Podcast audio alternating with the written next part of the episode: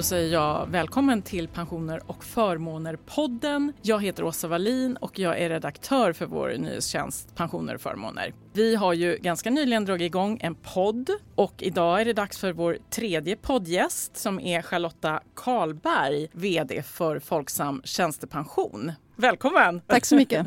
Charlotta har ju en bred och lång erfarenhet från både försäkringsbranschen men också från eh, olika delar inom finansbranschen. Du har jobbat med tjänstpension, överskottshantering med mera och du är notariemeriterad jurist. Du har jobbat som skattekonsult. Du har jobbat med eh, Solvens 2-projekt, bland annat på KPMG. Du har varit ledamot i Jopas intressegrupp inom tjänstepension. Du har varit vd på Svenska försäkringsförmedlarnas förening. Du har tidigare varit avdelningschef på rättsavdelningen på Finansinspektionen. Så en gedigen bakgrund här i branschen. Ja, när man hör det här så inser jag ju att eh, det har ju blivit några år. Fördelen är ju då att du kan ämnet helt enkelt och du kan branschen. Sedan 1 juli så är du vd för Folksam tjänstepension och eh, du har ju varit nu några år på Folksam innan detta för att eh, du har ju också tidigare varit vd för eh, Folksam Fondförsäkring. Kan du berätta då lite varför bildades då det här bolaget Folksam Tjänstepension? Vad är fördelarna för Folksams kunder? Idag kan pension distribueras både från försäkringsföretag som följer Solvens 2-reglerna och tjänstepensionsföretag som följer IORP-reglerna, då, alltså tjänstepensionsregelverket. Och när vi jämför de här regelverken så ser vi då att IORP-reglerna ger oss möjligheter att ge de kunderna de bästa förutsättningarna för en långsiktigt stabil avkastning och trygghet. Tjänstepensionen den är ju som vi i branschen vet oerhört viktig för var och en av oss. Och genom att vi väljer att följa det regelverk som är speciellt framtaget för tjänstepension så visar vi på Folksam att vi tar våra kunders behov på största allvar för att ge den bästa tänkbara möjligheterna. Och att starta ett helt nytt företag och att beståndsöverlåta all vår tjänstepensionsverksamhet till det här nya företaget, det är en enorm satsning. Det här är största Folksam har gjort. Och det här är ju hjärtat i vad vi vill erbjuda våra kunder. Att då göra en beståndsöverlåtelse, det tar ju ganska lång tid. Varför gör det det? I vårt fall har det tagit väldigt lång tid, men det har att göra med att vi var väldigt tidiga med vår digitalisering. Det gör också att vi har många äldre system. Därför var vi tvungna att byta systempark innan vi kunde göra beståndsöverlåtelsen för de här tjänstepensionerna. Då. Och det betyder alltså att vi har behövt nysta bakåt i alla gamla villkor och strukturer för vi får inte försämra någonting för någon försäkringstagare när man gör en beståndsöverlåtelse. Och det har då tagit tid att göra det här. Men idag har vi våra tjänstepensioner i ett modernt system som också då blir bättre för kunderna och bättre för oss på sikt. Men det gör att det har tagit väldigt lång tid och många har jobbat oerhört hårt med det här. Och en stor eloge till alla medarbetare som har fått det här att gå i eh, lås. Hur lång tid har det tagit bara det här med beståndsöverlåtelsen och bilda ett nytt bolag? Det är, det är flera år. Ja, det är knappt man vågar svara, men svar ja. Det har tagit några år att göra det här de senaste två åren har vi jobbat väldigt intensivt för att få fram det här. Men då ska vi också komma ihåg att vi har också gjort förändringar i andra bolag i Folksamgruppen som också har blivit tjänstepensionsföretag. Du sa att det finns stora fördelar för era kunder. Kommer man bland annat kunna ta vad vet jag, ökad risk? Kommer man kunna leverera en bättre avkastning? Kan du säga något om det? Det är ju skillnad i reglerna och det är att vi kan ta högre risk och därför möjliggör vi då över tid högre avkastning i den traditionella eh, Eh, förvaltade eh, pensionen. Sen är det ju också så att det är olikheter mellan de här två regelverken. Till exempelvis så behöver man inte följa penningtvättsreglerna eftersom det här är en lågriskprodukt. Men det är ju också i alla de här små detaljerna som skillnaden ligger. Och över tid så ser vi ju att här finns det ökade möjligheter och helt enkelt olika. En fråga som många i branschen idag diskuterar det är ju de här IRRD, förändringarna i Solvens 2 med konsolideringsfonden. De reglerna gäller inte idag för tjänstepensionsföretag. Så att vi påverkas inte av de här förändringarna som diskuteras. Och jag tror att vi kommer se mer av de här skillnaderna framöver. Skulle det kunna vara liksom en konkurrensfördel också, ser du det som? Eller? Ja, och jag tänker ju också det att när det gäller skillnaden mellan tjänstepension och försäkring så är det ju, du nämnde att jag satt i Joppas eh, intressentorganisation och där satt jag i fem år, vilket var då två mandatperioder. Där fick jag ju en inblick i hur olika våra tjänstepensionssystem är inom EU. Det första regelverket om tjänstepensioner kom ju redan 2006. Men det implementerade vi i Sverige i någon form av light-regelverk. Det är ju först nu som vi har sett till att det finns ett eget regelverk för tjänstepensionsföretag. Och det är nu vi först kommer kunna se vilka skillnader det kan bli. För inom EU så är det en självklarhet att tjänstepension är en sak och försäkring är en annan sak. Räknar du med att det också kommer bli större skillnader i Sverige då mellan olika bolag? Det här är ju en oerhört intressant fråga och det kommer ju väldigt mycket, jag tror att vi kommer få se det mycket framåt. Och det beror ju på hur man inför de nya reglerna. Tänk på IDD-reglerna. Där har vi ett regelverk som egentligen gäller för försäkring, inte för tjänstepension. Men i Sverige har vi ju valt att ändå låta dem omfatta mer eller mindre det mesta för tjänstepension. Och det gör ju att jag tror att vi kommer få mer diskussion kring hur varje nytt regelverk ska införas eftersom vi nu kan göra skillnad. Det här nya regelverket då för tjänstepensionsbolag Innebär det några nackdelar för era kunder? Ja, det finns ju alltid nackdelar och man måste ju alltid väga fördelar mot nackdelar.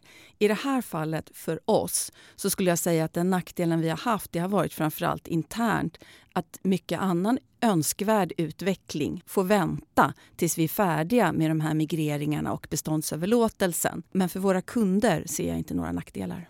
Avkastningen inom pensionsområdet har diskuterats mycket den senaste tiden. Avkastningen för Folksam Liv, numera Folksam Tjänstepension, var ju då minus 10,7 procent till och med tredje kvartalet. Vad ska ni göra för att leverera en bättre avkastning framöver? Ja, historiskt så har högre risk gett högre avkastning. Och när det är nedgångar på marknaderna så ger också högre risk en större nedgång. Men vi har en väldigt kompetent eh, kapitalförvaltningsavdelning och våra portföljer kommer att återhämta sig. Här måste man komma ihåg att tjänstepension är långsiktigt. Även om varje nedgång naturligtvis tas på största allvar så måste man höja blicken och se över vilken tidshorisont vi agerar. Så det här kommer att återhämta sig. Det låter hoppfullt. Sen tänkte jag att vi skulle prata lite trender inom pensions och försäkringsområdet. Ser du några trender? Det här är ju ett av de roligaste ämnena man kan prata om. Det är ju vilka trender man ser. Från bolagsperspektiv så skulle jag säga att den största trenden nu det är den ökade regleringen. Och här får vi regler i olika lager. Det kommer direktiv från EU, förordningar, guidelines. Sen kommer de svenska lagarna. I Sverige har vi också förordningar, föreskrifter, allmänna råd. Lagstiftningen har blivit väldigt mångfacetterad och vi får korta genomförandetider. Och det har ju att göra med att man börjar ta fram regler inom EU och sen ska vi anpassa oss efter dem. Men det är lite granna laga efter läge. Vi hela tiden följer och det börjar...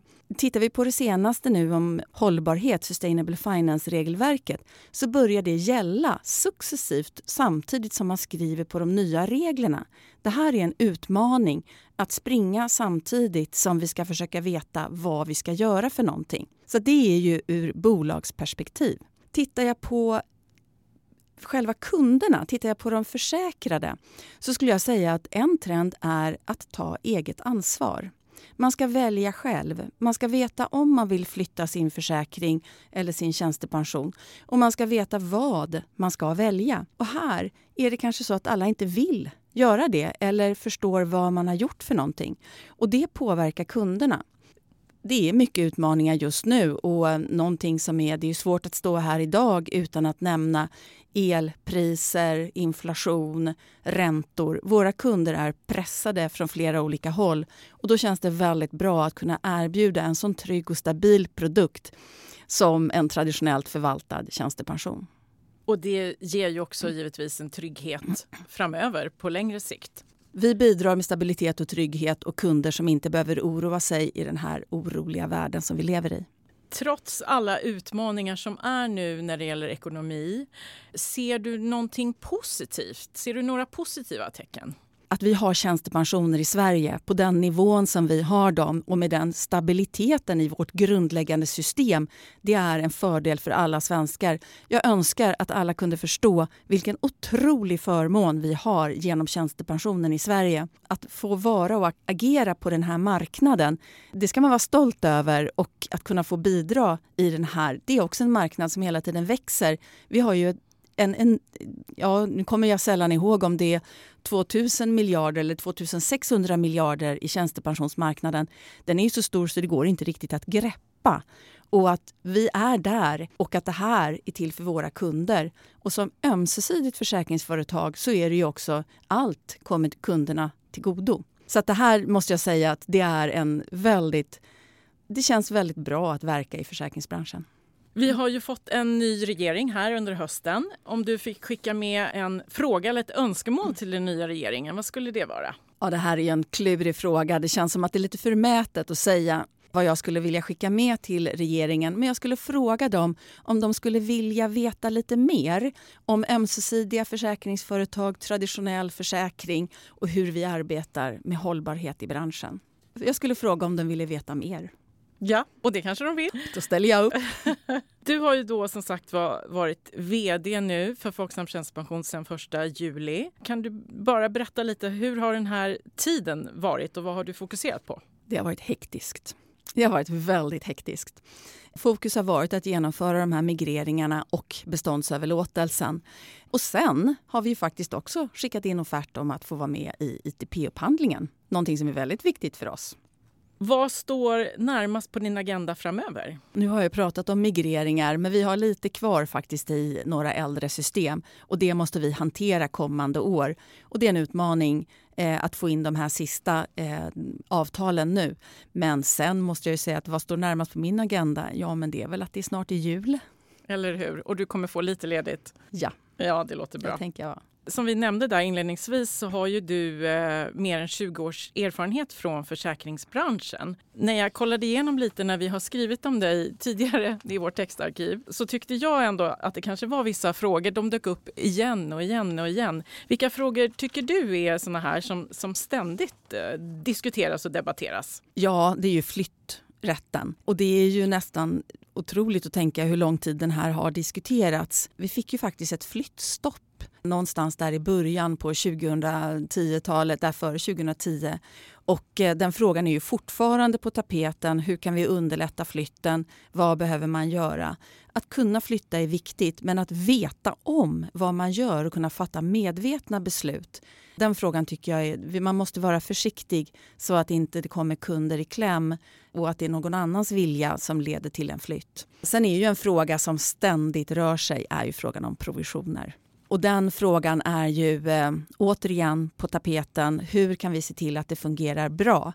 Men då måste jag ändå säga, för jag tänker också det att vad kan vi som bransch göra? Hur kan vi ta ansvar? Och då är det faktiskt så att just när det gäller provisionerna så har branschen tagit ansvar. Vi har gjort en stor förflyttning i Sverige och vi har en marknad som fungerar. Men det gör den inte i alla länder inom EU. Och därför måste man ha respekt för att lagstiftaren måste titta på alla länder, hur det ska fungera där. Så att provisionsfrågan kommer vi nu få se mer av. Vår förra gäst det var ju SKIs vd Anders Parmler och han har skickat med en fråga till dig. Och det var hur tänker ni på Folksam kring kommunikation om hållbarhet på ett kundnära sätt eftersom det finns en risk att det blir ganska tekniskt. Och då är det ju så att regelverket är väldigt tekniskt. Och det här känner vi ju också en oro för internt. Att hur kan vi kommunicera till kunderna på ett lättförståeligt sätt samtidigt som vi inte bryter mot reglerna. Just nu så tror jag att vi kommer nog... Det kanske inte blir fullt så lättförståeligt inledningsvis som vi skulle önska. Men det får vi ju jobba vidare med och öka tydligheten för att hitta balansen mellan vad kunden förstår men också att följa reglerna som faktiskt är väldigt tekniska och med komplicerade ord som gör att det inte är helt tydligt för en kund idag. Så ni jobbar fortsatt med frågan? Vi jobbar med frågan och jag tror att vad gäller kundkommunikation, att förenkla för kunderna, så kommer vi alltid jobba med att försöka göra det tydligare och bättre för våra kunder. Mm. Och jag kommer ge dig också den här möjligheten, Charlotta, att skicka med en fråga till nästa gäst. Och vår nästa poddgäst det blir Kristina Kamp som ju är pensionsekonom på Min Pension. Vad har du för fråga till henne? En fråga är ju det att nu ser vi ju, vi har nya, ett maktskifte i Sverige, regeringsskifte här i Sverige och politikerna kommer med olika förslag och då är ju min fråga hur stabila blir era prognoser när politikerna håller på och ändrar i de grundläggande förutsättningarna?